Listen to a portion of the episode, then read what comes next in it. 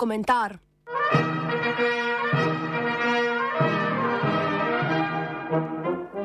Križari desnice.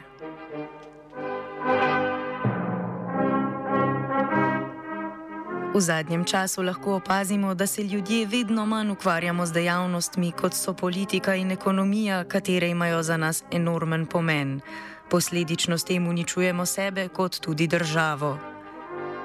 Križari resnice smo skupina strokovnjakov na področju politike in ekonomije. Namen te spletne strani je bralce seznaniti z aktualnimi razmerami v Sloveniji kot v svetu, ter jim pomagati izbrati želene odločitve.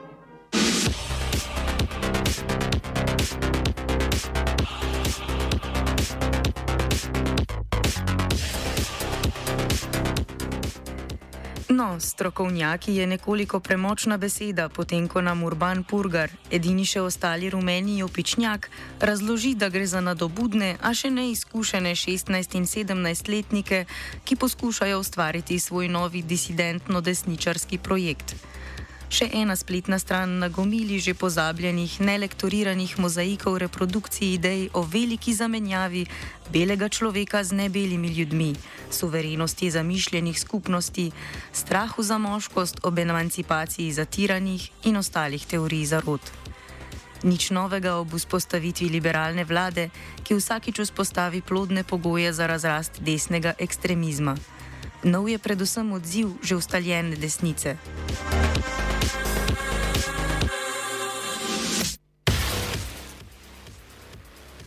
Na eni strani je osrednja desnica, utelešena predvsem v članih in podpornikih Slovenske demokratske stranke, svež suverenistični in ksenofobni projekt sprejela z odprtimi rokami. V opoziciji se splača radikalizirati volilno telo. Temu pritrjuje hiter preboj križarjev resnice na radarje kletnih prostorov Twitterja, kamor so jih postavile dve ali tri po objave določevalcev splošno sprejete resnice v kleti, kot je Twitterašica Johanca, velika podpornica lika in dela Jane Zajanše.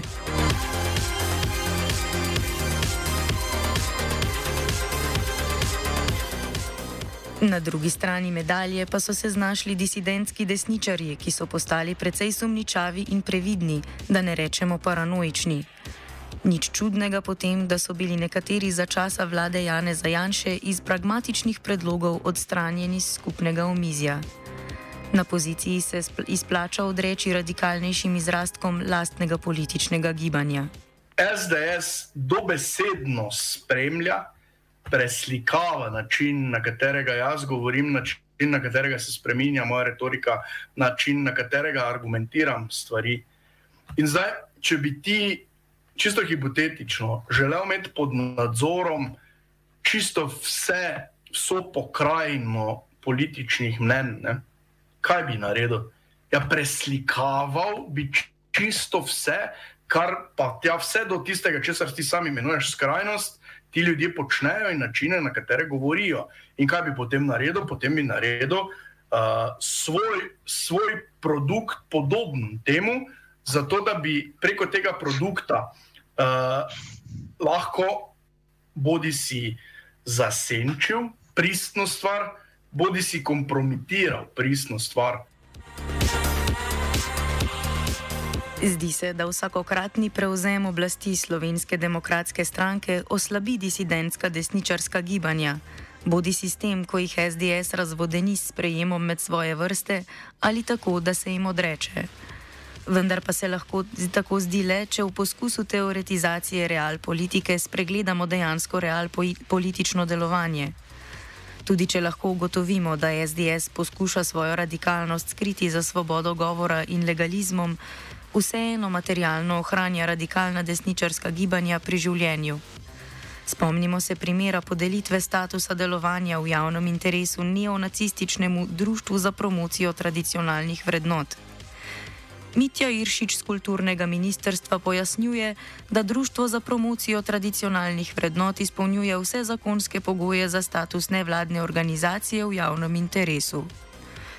Na poziciji se izplača odreči radikalnejšim izrastkom lastnega političnega gibanja, a jih je treba ohraniti v stanju pripravljenosti, ko oblast prevzamejo drugi.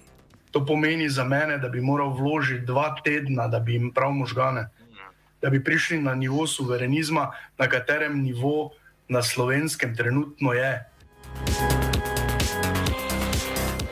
Sorazmerja med močjo teh zamišljeno ločenih skupin torej ne gre iskati. Porazgubijo se na čustveni gugalnici med materialno podporo slovenske demokratske stranke, da ekstremisti obstane, ostanejo v pripravljenosti in občutkom obupanosti ekstremistov, vsakeč, ko jih slovenska demokratska stranka zataji. Ko SDS prepozna Ernecle za škodljivce v predvolilnem boju, se jim lahko mirno odreče, saj Ernecli drugega političnega zatočišča nimajo, kljub poskusom ustvarjanja svojih neodvisnih medijev in predsedniških kandidatur. Po drugi strani pa bo angažma Aleša Ernecla vedno koristil populističnim težnjam slovenske demokratske stranke, kot sta denimo sovraštvo do migrantov in sprevračanje zgodovine. Ni lahko biti ekstremist.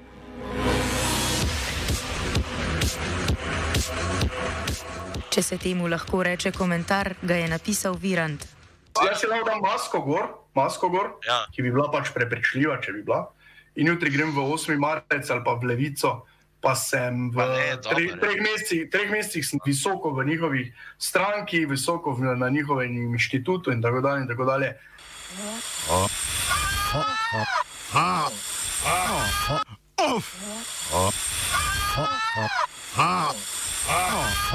komentar.